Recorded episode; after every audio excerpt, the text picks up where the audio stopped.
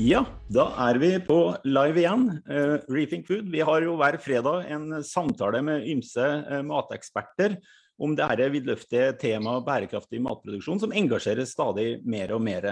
Uh, denne siste uka har for oss i Rethink Food handla mye om ny kunnskap og utdanning. og på tirsdag var jeg på Oslo Met og møtte da framtidige lærere i kokk- og servitørfaget.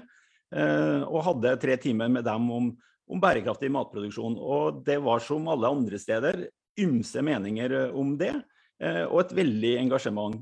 Og I går så var jeg hos Folkehelseinstituttet og var med å starte opp et stort prosjekt som skal finne de nye verktøyene for å klassifisere hva som er eh, bærekraftig og hva som ikke er det, eller grader av det. Til bruk i merkeordninger, innkjøpskriterier, krav i handelsavtaler og alle mulige anvendelsesområder. Eh, og nå har jeg funnet ut at eh, for å nøste videre da, i denne tematikken, så kan vi kanskje snakke om eh, der endringene og forbedringene og de gode ideene må tas i bruk. Og da er vi på primærnæringene, og da landbruket i dette tilfellet, eller jordbruket som er enda mer presist.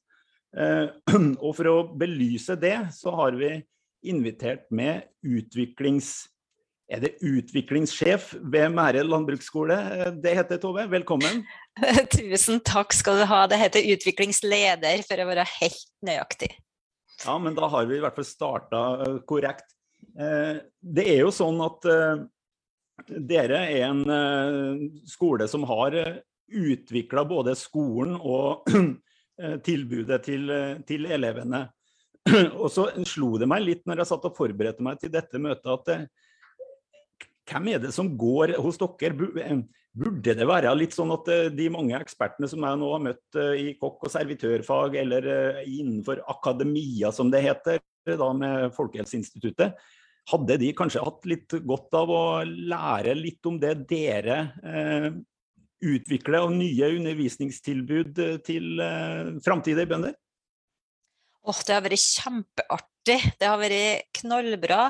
For jeg tror det at hvis vi skal utvikle det her landbruket og det her matproduksjonen til å bli mer bærekraftig, så trenger vi å møtes på de samme arenaene.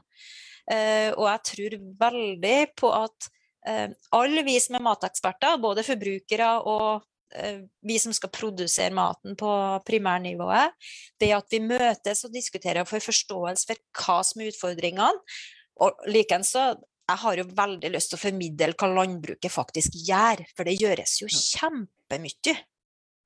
Ja, og det, det er, der har du et poeng, for eh, det kom jo opp eh, i, i forbindelse med de to tingene jeg nevnte, at eh, ja, det er to sånne gjengangere. Bruker ikke hormoner. Bruker nesten ikke antibiotika i det hele tatt, i hvert fall da bare for behandling av, av dyr og fisk i så måte ganske så edruelig, selv om det er mer å gå på på selve plantevernmidlene. Eh, på de to første så er det en overraskelse for de fleste at det mm. faktisk er så eh, ja, bra som det er. Da. Og det, mm. da, det hjelper ikke å være ekspert når du ikke har fått med deg hvor utgangspunktet ligger. Mm. Nei, altså Det å ha kunnskap om hva som faktisk skjer, det tenker jeg er et veldig godt utgangspunkt for å diskutere videre. Og, og være en god bidragsyter også, til endring. For vi trenger jo dialog, dialog for å få til endring. Det, det, er en viktig sak. Men vi må dukke ned litt i hva dere gjør. Vi, vi er jo begge til en generasjon som eh, Jeg har ikke gått på agronomutdanning, men jeg hadde et forkurs før jeg studerte på Norges miljø- og biovitenskapelige universitet, som het Norges landbrukshøgskole den gangen. Eh, og det var jo i praksis en, en agronomutdanning. Eh, og det som jeg husker best fra den tida, det var jo internatlivet. Ja. Eh. det var fint. det, var, det, var, jo en, kanskje en sosial utdanning, det også. Men eh, det er vel ikke sånn at det jeg var igjennom da i i, rundt uh, slutten på 80-tallet, og det dere driver med i dag, er det samme.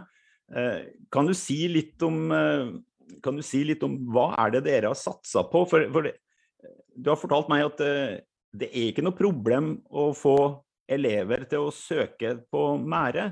Eh, men alle andre sier jo at det er et problem å rekruttere bønder inn i næringa, så her er det en, en, en mismatch. Mm, ja. hva, hva, hva, har dere gjort for å trigge dem til å komme til, til Mære, rett og slett? Uh, ja, for det første, så Mære landbruksskole er jo en videregående skole. så Her går 16-19-åringer. Og så har vi jo utdanningstilbud for gårdbrukere. Så vi har sånn uh, i snitt 1000 gårdbrukere som er innom oss hvert år òg, på ulike kompetansetiltak. Men når det gjelder elevene, så har det vært veldig bra de siste årene her på Mære. Ca. 30% økning i elevtallet de siste tre-fire årene. Men heldigvis, da. Søkinga på naturbruk i Norge går òg opp. Og likeens søkinga på kokk og servitør og den her matsida går òg bra opp nå i år. Så det er gledelig. Eh, det vi har gjort her på Mære, og som kanskje er litt spesielt, da, det er at vi har etablert Landbrukets klima- og energisenter. Vi har satt kjempefokus på ei eh, av jeg vil si, to store, store utfordringer i verden. Vi har satt fokus på klima- og energibruk, og hvordan eh, Helt konkret, hvordan kan en gårdbruker jobbe på sin gård for å få ned klimagassutslippene? Og når jeg sier to hovedutfordringer, så tenker jeg klima på ene sida, og så tenker jeg naturmangfold på, på andre sida. Det vi har gjort, er at vi har kobla på FoU, altså forskningsmiljøer, utviklingsmiljøer. Bruk arenaene våre, jobb sammen med gårdbrukerne, jobb sammen med elevene. Og vi har nok, eh, i hvert fall det vi får høre fra foreldrene og, og miljøet rundt oss, er at vi har løfta statusen på landbruket. Og for meg blir det litt sånn rart, for det er jo en så kunnskapsintensiv næring. Ja. Egentlig, Vi må kan et så bredt felt. Men nå vi, vi viser i hvert fall av det, og vi tror at det påvirker søkertallene. Mm. Ja, rett og slett at dere har bare tatt signalene fra storsamfunnet og prøvd å gjøre noe med det. Ja. Eh, og har da mulighet for å undervise og vise fram f.eks. energibruk. Og da er jo det naturlige spørsmålet hva kan jeg se hvis jeg kommer til uh, Mære som jeg ikke så den gangen jeg uh, gikk på tilsvarende skole sjøl? Nei, da kan du se en skole som uh, høster energi fra veksthuset, lagrer det i bakken, tar det i bruk på effektivt vis. Du kan se et melkefjøs som er bygd i tre, og har fokus på bygg i tre. Du kan se et eh, fjøs som der det drives testing på oppsamling av metan i fjøset. Eh, du kan se roboter som går på elektrisk kraft. Altså her er det et kjempestort spenn. Eh, binding av karbon. Vi jobber mye med å bette karbon i jorda. Så, leter, så egentlig så prøver vi å lete på alle mulighetene en gårdbruker har for å redusere klimagassutslippene, enten det er på bygningssida, på energibruk eller ren agronomi. Da. Ja, riktig. Mm. Men hvis vi tar uh, litt i det du sa der. Fange energi i veksthus. Mm. Uh, lagre det i jorda. Mm. Uh, hva i all verden er det? rett og slett eh, Det er jo ikke noe lurt å Ja, eller jeg skjønte ikke hva, hva, hva, er det for noe, egentlig? ja, Her er det forskere som eh, har vært ansatt ved NTNU i Trondheim. Eh, som har etablert et firma, Geter AS heter dem. De har utvikla en teknologi og en måte å um, lagre og ta i bruk energi på som er mer effektiv enn andre metoder. Og så Hvis du ser for deg et veksthus, med glass. Altså her er det jo Det er jo ikke noe isolasjon. Så all varmen inni der, den uh, fer jo ut igjen. Um, men det, om sommeren, tenk deg et veksthus, det er jo kjempevarmt. Så det vi gjør, det er at den overskuddsvarmen For vanligvis i et veksthus så må du lufte ut. Du, du, må få vekk varmen fordi at det blir for varmt, rett og slett. Ja. Men her har vi tatt igjen lukene, og så tar vi varmen via varmepumpesystem putter det ned i fjellet under eh, veksthuset. Og så når det blir kaldt om kvelden, så henter vi ut litt varme for å heve temperaturen igjen. Og om vinteren, når det blir kjempekaldt, da henter vi fra fjellet. Sånn at det kontoret som jeg står på her nå, i ovnen her, så er det noe varme som vi har høsta nå i sommer. Det får jeg som varme på kontoret mitt. Så det lukter litt tomat her. Ja, Ja. ja, du får håpe det er en, noen gode tomater eh, i Ja, så fall. og mæretomaten er nydelig. Ja, Ja. det er den, det er den sikkert. eh, eh, Men det rett og slett oversatt her, så er jo dette som ja, Mange har sikkert eh, solceller på hytte som ligger litt kjelke til for eh, strømforsyning. og Da, Mm. da er- bruker dere berget eller jorda som, eh, som et batteri for den energien dere fanger i drivhuset, som en slags solcelle.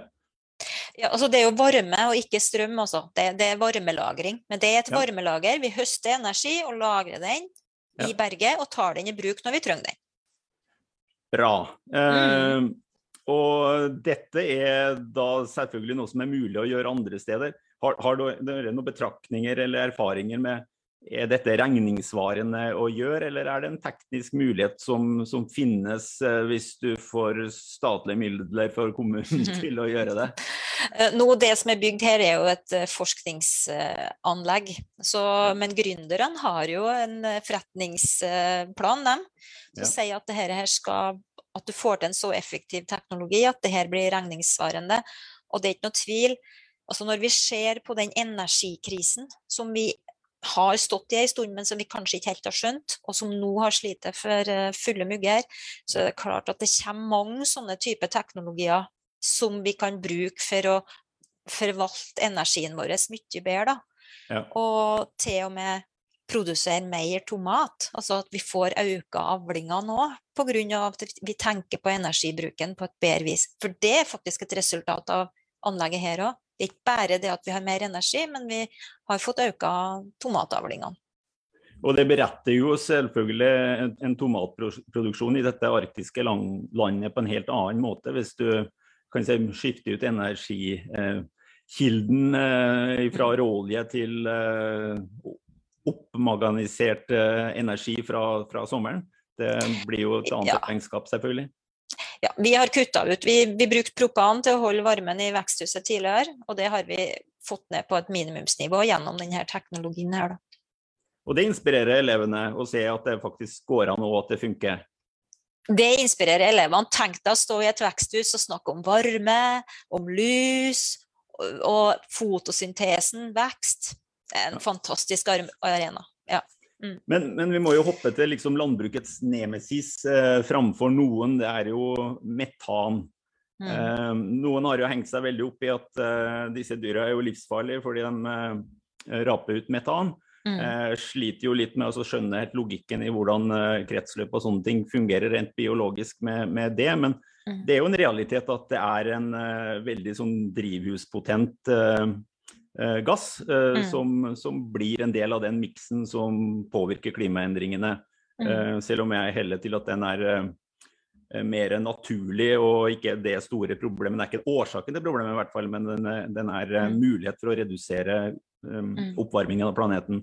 Mm. Eh, og så sier du at eh, dere har tiltak på, på det, eh, ved å samle opp og kanskje andre ting også.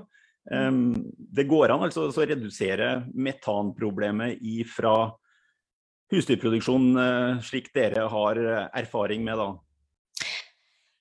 Ja, vi leter etter, i lag med forskerne, så leter vi etter alle muligheter. Og da, det er jo mange plasser du kan sette inn tiltak. Et godt eksempel som er lett for en gårdbruker å gjøre noe med, og som en vil sannsynligvis òg kanskje øke inntekter med, det er jo å høste grovfôret litt tidligere. Sånn at det ikke er så Se for deg et gras, og når det ikke er så grovt, så er det mer effektivt i vomma, og det vil redusere metangassutslippet per kilo produsert melk eller kjøtt. Så det er jo et sånn helt konkret uh, tiltak det går an å gjøre noe med. God dyrevelferd er òg bra. Ei ku som er frisk, hun produserer hele tida, og vil gi da vil det bli et redusert eh, metanutslipp per produsert eh, enhet. Da. Og så kikker vi på muligheter innenfor eh, husdyrgjødsla. Altså det å spre husdyrgjødsla rett, lagre rett. Det vil òg påvirke regnskapet her. Det vi kanskje er mest spent på, og som virkelig kan gjøre en forskjell, det er jo hvis vi har noe at vi kan gjøre noe med fôret til kua, og så tilsette noe som gjør at metanutslippet reduseres. Det, det har vært veldig, veldig bra. Og så må jeg jo si at Landbruket har jo i tiårsvis jobba for å få ned metangassutslippet på kua. Også, vi har jo et, så et kompetent landbruk i Norge, for å si det sånn. Da. Det er mange andre, andre land òg, altså. Men vi har vært kjempegode på avl. Sånn at uh, ku som uh, avles eh, godt da, til å bli frisk og tar seg kalv lett og sånn, det har jo over tid gjort at vi hele tida reduserer metanutslippet på den norske kua. Så det er en lang rekke av tiltak vi ser på, jobber med. Men, men når, dere, når, du sier at dere kan altså Det finnes da metoder som dere tester ut som skal gi en, en, en eh, teoretisk eh, effekt, og som dere da mm. Sikkert prøve å skaffe dokumentasjon på da. Mm. Eh, da må dere jo på en eller annen måte måle denne rapen til kua, da. Ja. Det, hvordan måler man rap, egentlig? Ja, der er det sånn at Geno, altså Geno er dem som er den norske bondens avlsorganisasjon, de har plassert ut såkalte Det kalles green feeder. Green, feeder, ja. Green ja. ja. Fint skal det være. Ja. I ca. 17 besetninger i Norge. Og kyrne her på Mære de kan inn, gå inn i en maskin, eller et, egentlig en kraftfòrautomat. De henter litt kraftfôr, og samtidig puster dem. Og når de mm. puster, så måles innholdet av metangass ifra hver enkelt ku. På den måten så vet Geno at noen kyr puster mye metan, og noen kyr puster mindre metan. Mm. Og da tenker Geno ok, da må vi bruke det kyrne som har minst metanutslipp framover som melkekyr, for da vil metanutslippet gå ned. Og det har jeg hørt eh, at noen reagerer på at man ikke kan avle bort noe som er Eller avle på noe som eh, er helt naturlig. Eh, mm. Men er det riktig oppfatta at dette dreier seg om å kan si, egentlig måle hvor effektiv man utnytter ja. innholdet i fôret? Mm. At, det er, at, det er, det som skjer, og sånn sett da, ikke mm. noe forskjell fra all mulig husdyravl drevet uh, de siste 200 åra eh, i praksis? Nei, jeg støtter deg på den der. Også metanutslipp, det er jo egentlig energi på avveie. Så hvis du har eh, ei, ei ku som bruker fôret mer effektivt, så taper du mindre energi, og du får mer produkt ut. Ja. Så det er en del av den berømte ressurseffektiviteten som, som vi kommer tilbake mm. til til syvende og sist. Eh, mm. Men eh, til eh, Du nevnte også om, om roboter og, og ja, annen type digitalisering da, sikkert mm. som, som ligger i det. Vil, hva slags type grep på en gård er det som er mest interessant i forhold til, til den type teknologi? Um, ja, hva skal jeg si da? Altså, vi er jo opptatt av at det utvikles teknologi som uh, gjør bondens hverdag enklere og bedre og mer lønnsom. Og at vi samtidig tar altså, For en bonde han skal jo ta vare på livet i jorda og god plantevekst og god dyrehelse og alt sånt. Så teknologi som kan hjelpe gårdbrukeren for å få til en bedre matproduksjon, det er viktig teknologi. Og da utvikles, kommer det hele tida nye ideer, og noen må teste ut. Og det har vi valgt å være en arena for på Mære. og vi vet altså, det viktigste som landbruket kunne ha gjort i forhold til klimagassutslipp, det er jo fått ned det fossile, altså bruken av eh, drivstoff, da, fossilt drivstoff. Så hvis vi kunne ha fått elektrifisert mer av uh, maskinparken vår, enten kanskje droner eller uh, roboter eller traktorer som går på elektrisk kraft, så har det vært til hjelp. da. Og likeens metoder å gjøre det på, sånn at vi ikke bruker så mye energi for å få til den avlinga som vi vil ha. Det er jo viktig, da.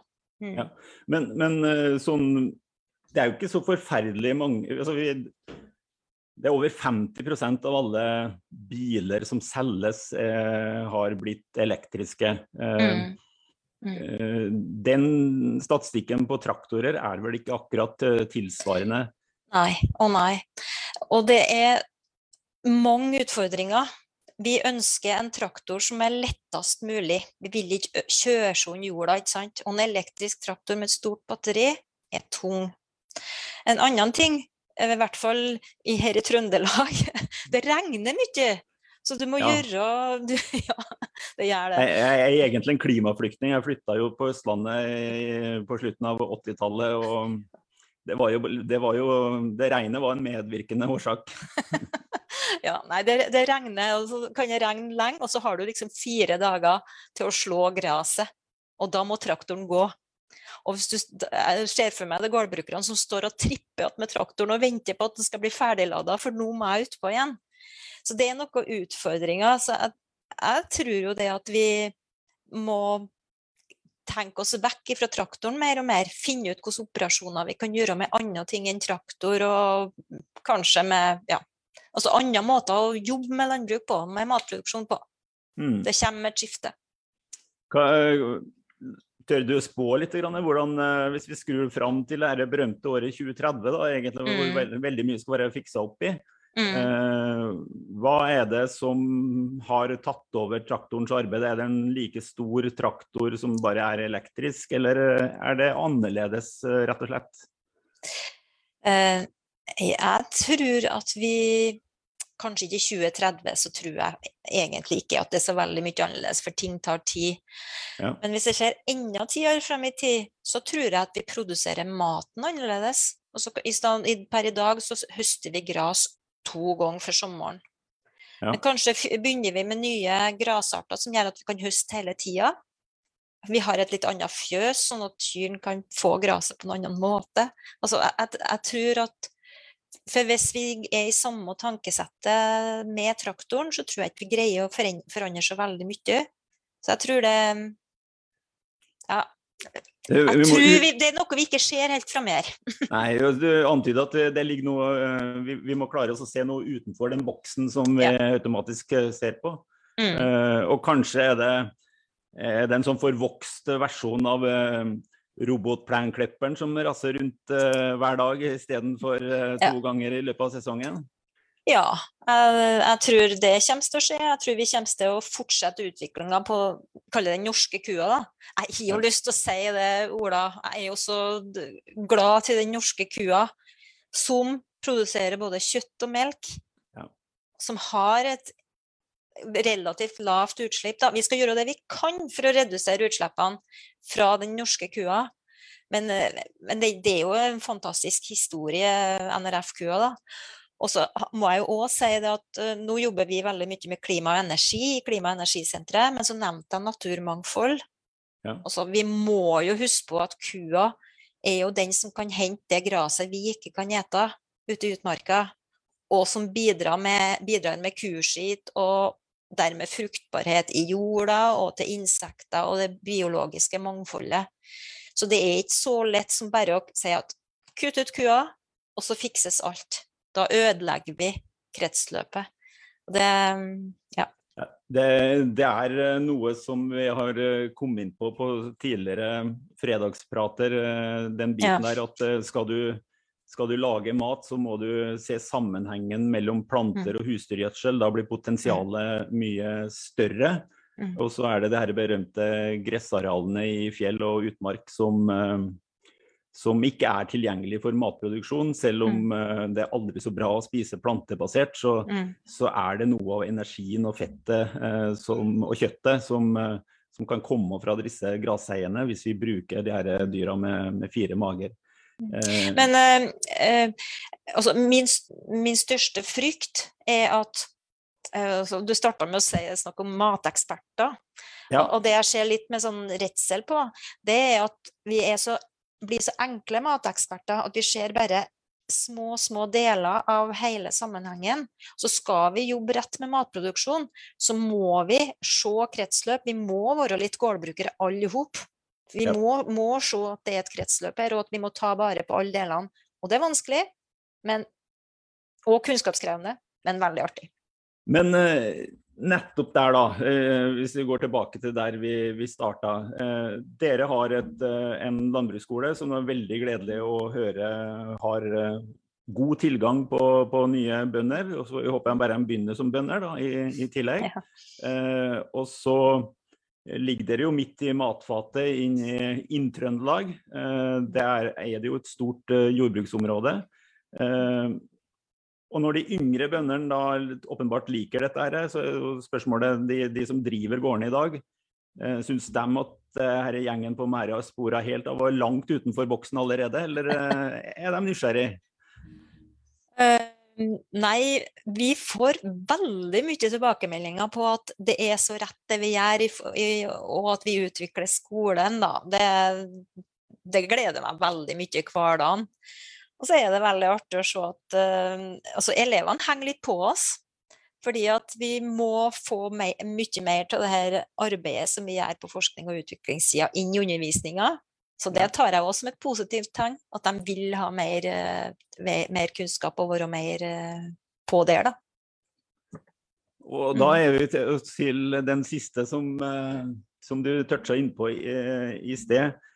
Du sa jo at å, enn om de kunne ha kommet til oss, når jeg refererte til de som tar bachelorgraden sin på Oslo OsloMet, mm. og, og de som sitter der med tunge doktorgrader på Folkehelseinstituttet. Eh, Men har dere et sånt tilbud for dem i dag? Ja, Det har vi har, vi, ja også vi, eh, de vil si at eh, ja, kom. Vi har veldig mye grupper som er på besøk, der vi forteller om det vi jobber med, og så grever vi oss inn i konkrete problemstillinger ut ifra hvilken grupper det, det er. Vi har ikke noe direkte kurstilbud på dette området, men det var kanskje et godt tips, det.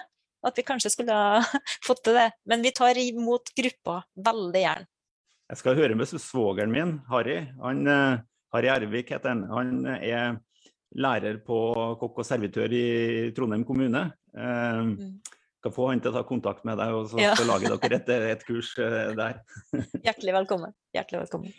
Eh, Tida flyr, Tove, men Mm. eh, i alt det du har sagt, så er det én ting til som vi må, må nøste inn i. For du, du sier at vi har lagt, eh, eller dere da, har lagt til rette Mære landbruksskole med de arealene dere har, og det er sikkert eh, betydelig, eh, for at eh, de som har lyst til å teste ut nye ideer og løsninger, skal få en mulighet til å gjøre det under da sikkert litt styrte og kontrollerte forhold som dere kan Mm. fasilitere. Mm. Betyr det at dere bare er ja, dere bare sier det, eller er det noe som er satt til system? Jobber dere inn mot dette nye begrepet agriteknologi, hvor vi av og til leser om spennende norske både roboter og, eh, og andre ting? Eh, kan du fortelle litt om samarbeidspartnerne deres som gjør dere ja, både at dere har et tilbud og, og kompetente for å være en sparingspartner for eh, de som måtte finne på lure ting. Eh, Først da, vi, har, eh, vi disponerer 1300 dekar med jord, og vi har 75 ansatte her, som er Ja. som på ulikt vis Det er ikke alle som er agronomer, eller sånt, men vi har veldig mye fagfolk, sånn at det er en fin arena å være på. Mye bygninger, mange produksjoner. Eh, til hver tid så er det 20 sånn pluss-minus ulike forsknings- og utviklingsprosjekter vi er inne i. Sånn at Sintef bruker oss, eh, Nord universitet, Felleskjøp, Forutvikling. Det er mange aktører som bruker arenaen her. Eh, men når det gjelder agriteknologi, da, så er det først og fremst eh, Innolab Mære vi har etablert. For vi så det at gründerne som har lyst til å ende landbruksproduksjon, som har lyst til å komme inn med ny teknologi, de har behov for en plass å teste ut det nært gårdbrukerne. Så vi eh, har eh, Ja, det er systematisert. Vi ønsker gründere velkommen. Har du en robot, kom og test den. Kom og møt kundene. Kom, og i lag med våre samarbeidspartnere på forretningsutvikling. For den kan du jo få kontakt med investorer og den type Ja, ting. det pleier å være populært. Penger er kjekt. Du må Ja. ha penger, også kunnskap om hva du skal hvordan markedet du treffer. Det må du kan. Så i lag så har vi bygd opp Innolab Mære, som er en arena for eh, eh, nye bedriftsideer. Veldig bra, og ikke minst veldig interessant. Eh, nå skal jo jeg av, tilfeldigvis besøke dere om en, en måneds tid et Mm. helt annet ærend. Så jeg er spent på å se hvordan det var der. Og så skal jeg snakke med bror min litt grann først, for han har jo, har jo gått på landbruksskolen på Mære og høre, Ja. høre hvordan det var, var da. Så vi får se om det, fors, forskjellen er sånn som du uttrykker det.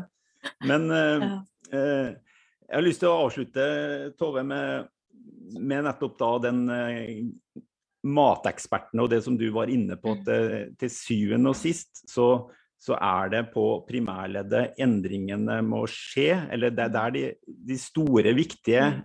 effektene på endring kan komme. Så må jo Mm. gjøre ting på resten av eh, verdikjeden eh, også. Mm. Eh, og til de som er med i samtalen, eh, eller som hører på, på nå, eh, prøv å oppsøke mulighetene ved ja, Er du i området rundt, eh, rundt Mære, så, så kan du gjøre det. Det er sikkert lov til å komme om du er bergenser også, hvis du først har noe kjempesmart å teste ut, håper jeg. Veldig glad i bergensere. Ja, ja men det er Mm. bra. Men, men vi har jo andre, andre eh, landbruksskoler rundt omkring i Mm. landet, og det er jo alltid litt sånn diskusjon om livets rett til de, men Mm. skal man få gjort noe med eh, matproduksjon og jordbruk, eh, bruken av jorda, eh, så, så må vi være ute på jorda og så sjekke av ting i praksis. Og det må gjøres på en attraktiv måte, sånn at bønder blir interessert i det. Eh, og hvis jeg går an å utfordre deg da på, på tampen, jeg har jo allerede spurt deg om du vil lage noe tilbud og sånne ting, det har du sagt ja til. Ja. Men, men, men økonomien i det da å drive på en litt annerledes måte, være den, eh, den eh, early movers, som det heter så fint innenfor innovasjonsfaget, altså den som Mm. tør å starte først. Eh, Hva skal til, tror du, for at bønder i dag, hvor økonomien må sies å være veldig på margin, Mm. eh, hva skal til for at de investerer i nye og usikre ting? Eh, gitt at vi skal være et helt annet sted allerede om, eh, om åtte år, i 2030. Eh, har du noen tanker om det mot disse som skal nå i jordbruksforhandlinger og ymse ting? Ja, altså, du har jo alltid noen, som det, dem som går først, som du sier, som tør å ta risiko, og som kan tenke seg å utfordre bunnlinja i regnskapet litt. Ja. Men hvis du skal få med deg mange nok, så er det nødt til å være økonomi i det. Og det er noen altså du, vi, Jeg mener at vi må ha inn en eller annen form for betaling for karbonbinding eller eh, reduksjon av klimagassutslipp. Skal vi få til endringer på dette, her, så er vi nødt til å ha inn en eller annen ordning som gjør at eh, For at noen tiltak tjener gårdbrukeren på sjøl, men det tiltaket den ikke tjener på Vi kan ikke forvente, altså, vi kan ikke forvente at landbruket gjør mer dugner. Det må noen betale. Da, så det må inn penger skal vi få til de store endringene, det er jeg helt sikker på. Og så må vi ha nok teknologi, sånn at ikke bonden må arbeide altfor mye, eller det blir altfor vanskelig i forhold til regn og vær og sånn. Ja. Bra. Da eh, leser jeg deg dit hen at eh, litt av, eh, litt av hovedbudskapet ditt, eller kjernen i det, er at eh, når bønder tar i bruk kunnskap og teknologi som reduserer klimagassutslipp, eller binder karbon fra lufta eh, og lagrer det på en måte i jord eller i bygningsmasse eller hvordan det nå måtte være, så, så er det noe bønder fort kan gjøre i ganske stort monn. altså kan- bønder snur seg kjempefort. Bønder Ja. er kjempeflinke til å snu seg. Men, men det er en samfunnstjeneste som, eh, som hele samfunnet må være med i dugnaden på, ikke bare bøndene som uh, alene, og for Ja. å få økonomi i det. Mm. Ja, det tror jeg er, det tror jeg er en, en stor diskusjon som vi kommer til å drive på med, og som vi sikkert sitter i 2030 og evaluerer om vi gjorde nok eller, eller ikke. Uh, jeg, jeg har en sånn viss erfaring for at eh, hvis ting ikke lønner seg, så blir det aldri gjort. Og det er vel sånn det er, egentlig. Ja, er ikke rett da? Vi skal jo, jo, jo vi skal jo leve av det her. Mm. Det, altså, hvis lønnsomhet i samfunnet ikke drar oss i retning av dit vi skal, eh, så slik at den kan vi si, bare bruke et stygt ord, altså drittmat som er usunn for deg og som har masse klimagassutslipp og ødelegger miljøet i tillegg, hvis det er billigst, så vil det jo til syvende og sist være, noen, eh, være et marked for det som er billig. For det er, vi tenker jo på lommeboka vår. Mm. Og da må vi endre noen kriterier som gjør at det å gjøre det på en dårlig måte blir lite lønnsomt. og de som tar i bruk det dere tester ut tidlig, de bør få en kanskje liten påkjennelse for å tørre å ta sjansen på å prøve ut nye løsninger tidlig. Gleder meg veldig til å treffe deg eh, om en Takk, måneds tid, Tove. Mm, takk likens. Så får du fortsette å utvikle. Jeg håper og tror, jeg er ganske sikker på at det er flere utviklingsmuligheter enn de du allerede har satt i gang også. Garantert. Takk skal du ha. Vi snakkes. Det gjør vi.